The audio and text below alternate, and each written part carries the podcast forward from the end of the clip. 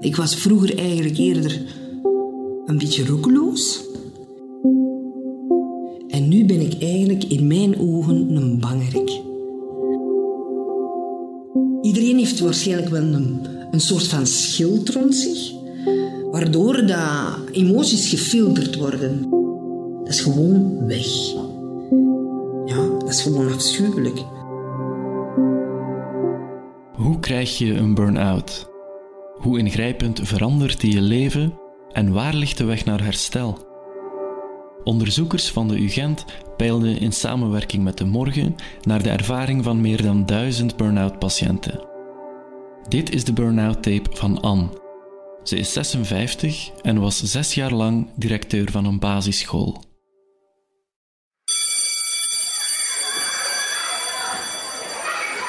Dingen vergeten gewoon. Dingen merken dat, dat je in een vergadering zat en dat er gewoon niks meer bij kon eigenlijk in je hoofd. Op den duur was je eigenlijk een stukje apathisch. Allee, ik toch. Apathisch. Droevig ook, niet meer uh, vrolijk. Met een stuk afzonderen van de rest. Uh, dat zijn eigenlijk wel de symptomen die op het laatste ervoor gezorgd hebben dat anderen zeiden tegen mij van er klopt iets niet.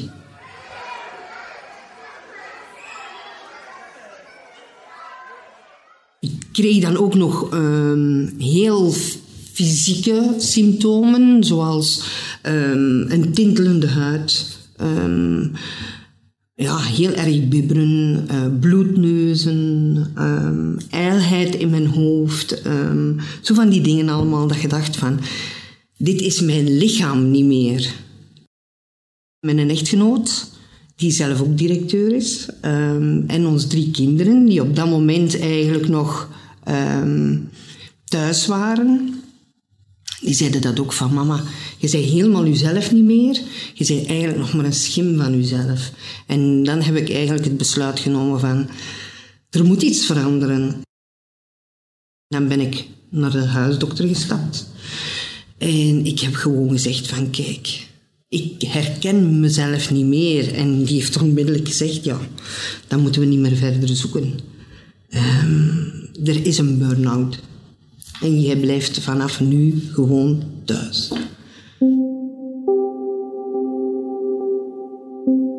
Ik denk dat ik vrijdag thuis gebleven ben.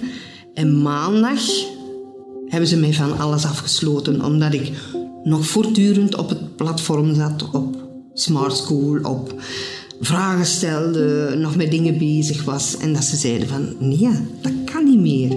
Je moet gewoon stoppen. Voor je eigen goed. En toen hebben ze mij volledig afgesloten. En toen was ik er eigenlijk wel heel boos om. Omdat ik dacht van...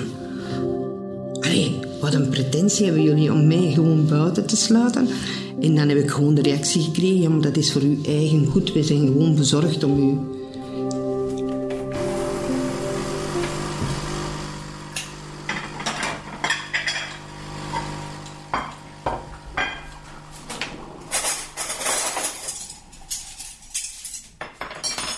vond na 14 dagen, na drie weken, van het is wel eens geweest. Ik, ik moet eigenlijk terug naar school en dat zou wel gaan en zo. Maar je merk, allee, ik merkte zelf van, als er iets of wat emotie kwam, um, kon, dat niet, kon dat niet meer aan eigenlijk. Dan kwamen er huilbuien, uh, ja, paniekreacties, paniekaanvallen, angsten um, die ik ervoor eigenlijk niet kende. En die zijn eigenlijk nog niet voorbij.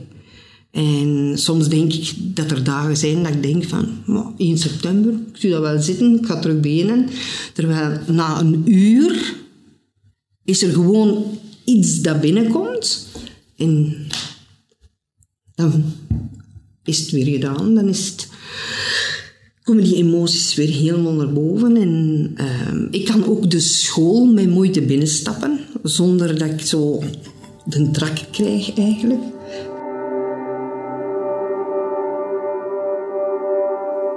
De impact op ons gezin was eigenlijk is eigenlijk heel groot. Ondertussen zijn onze drie kinderen volwassen en die zijn het huis uit. Ehm, maar eigenlijk hebben die een stukje meegevolgd. Dus eigenlijk de evolutie. Maar de impact vind ik... Ik kan nu op dit moment niet zeggen dat ik nog louter en alleen een burn-out heb. Dat is veel breder geworden. Je begint te twijfelen aan, u, aan uzelf als moeder, aan uzelf als partner, als, aan uzelf als, als zijnde zus of broer van iemand. Ehm, als moeder. Allee, je zit met, zodanig met die school in je hoofd dat je eigenlijk zoveel dingen vergeet die zoveel belangrijker zijn. En naar uw partner toe ook, naar uw broers of uw zussen toe ook. Ehm, nu heb ik, merk ik eigenlijk van, ik heb die gewoon verwaarloosd.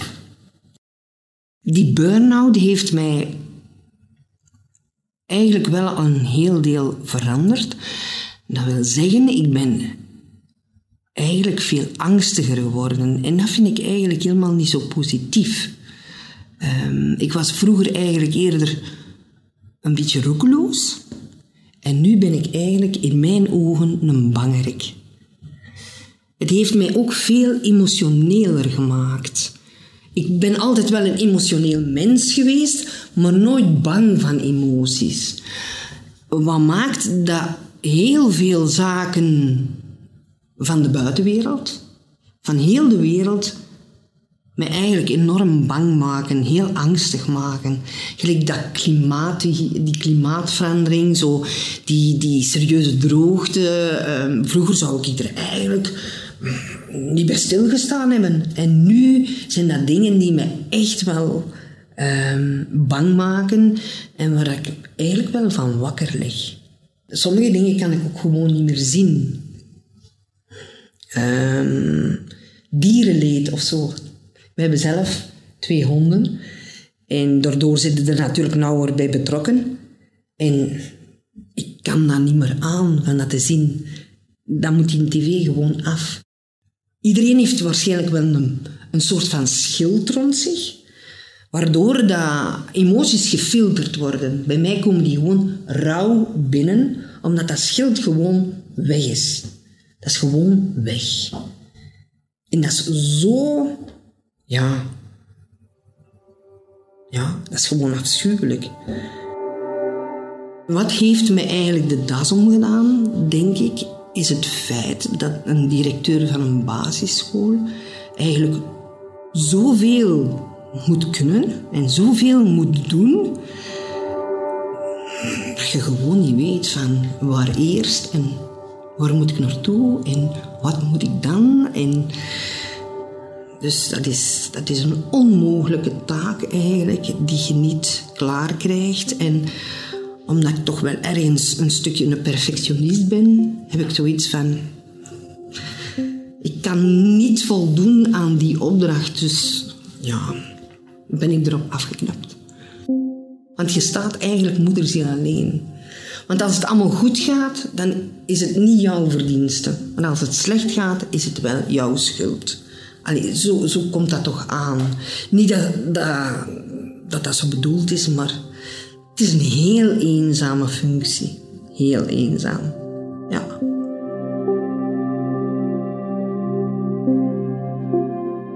Aanvankelijk, in 2012 toen ik gestart ben, was ik dus eigenlijk voltijds directeur. En was er eigenlijk niemand anders. Um, toen heb ik eigenlijk heel snel ondervonden van, dat klopt hier niet. Waar, waar moet ik terecht? En pas na maanden eigenlijk iedere keer op elke vergadering te zeggen van dat lukt mij niet. Um, hebben ze eigenlijk een, een, een, zijn ze erin meegegaan en hebben ze dan uh, gezegd van er moet iemand komen die die directeur ondersteunt. En dan is er eigenlijk een uh, uren vrijgemaakt voor een beleidsondersteuner. Dus en dan had ik wel iemand waar ik kon bij ventileren eigenlijk. En het laatste jaar, als ik al eh, besloten had om uh, mijn directieambt stop te zetten, heb ik gezegd van ik maak er een missie van om uh, dat te gaan aankaarten bij Lievenboeven. Dat is de grote baas van het katholiek onderwijs. En ik heb dan een brief geschreven. Um, ik heb die doorgestuurd naar Hilde Krivits. Ik heb die doorgestuurd naar Lievenboeven. En het katholiek onderwijs heeft daarop gereageerd. En die hebben gezegd van, dit kunnen we niet naast ons neerleggen, wat er met jou gebeurt. En die hebben mij eigenlijk laten komen naar Brussel. Dan heb ik een gesprek gehad met Lievenboeven en met Mark Kebbes. Ehm, dat is de directeur van het personeel. En uh, die hebben geluisterd.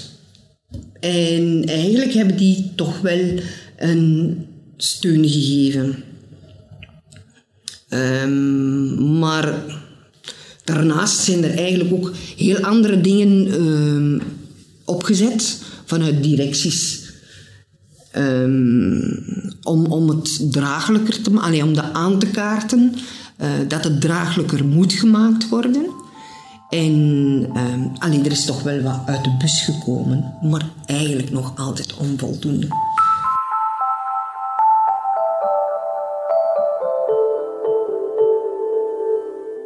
Wat mij het meeste boeit zijn creatief bezig zijn, maar in alle rust en in alle stilte. Ver weg van, van, van lawaai en van. Uh, ja, van te veel drukte. Dus uh, ik ben op zoek. Ik ben heel veel met interieur bezig, dat wel, met, met, met zaken in te richten. Onze dochter is een fotografe, die ook al gezegd van mama, als ik architect moet fotograferen, architectuur moet fotograferen, ga dan gewoon mee, dan kun jij de setting doen en dan zal ik wel fotograferen. Dus dat vind ik ook wel al heel goed. Um, dus het zal iets creatief worden moesten ze mij nu binnen het onderwijs zeggen van je mocht deeltijds echt wel vertrouwenspersoon worden van mensen, dat vind ik ook oké. Want het psychologische, het welbevinden, het welzijn van leerkrachten, van kinderen op school, van uh, zelfs collega's, beleidsmensen, dat ligt mij ook heel nauw aan het hart. En omdat ik dit nu zelf meemaak, ben er helemaal nog niet door, heb ik zoiets van er moet veel meer behoed worden naar die mensen toe. Of naar die kinderen toe. Want die kinderen... Het is niet meer... Ah nee, die worden ook wel serieus opgejaagd, vind ik eigenlijk wel. Dus...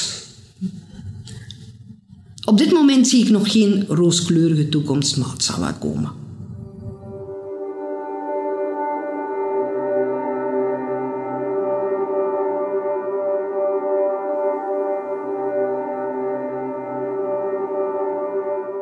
De Burnout Tapes is een podcast van De Morgen. Interviews door Fernand van Damme, montage door Dries Vermeulen, met eindredactie door Sam Vijs. Wil je reageren? Mail dan naar podcasts.demorgen.be. Bedankt om te luisteren. Volgende keer de Burnout Tape van journalist Len. Ik had die dag zelf nog een artikel geschreven en zou aan een ander moeten beginnen en op dat moment dat ik daaraan moest beginnen, ben ik gewoon niet meer, kon ik niet meer bedenken wat ik moest doen. Ik had een complete blackout. Ik wist ergens wel van, ja, ik moet hier de telefoon pakken en, en, en mensen spreken, bellen over dit onderwerp. Maar ik kon het gewoon niet meer. Ik kon eigenlijk niet meer doen wat ik wist dat ik moest doen.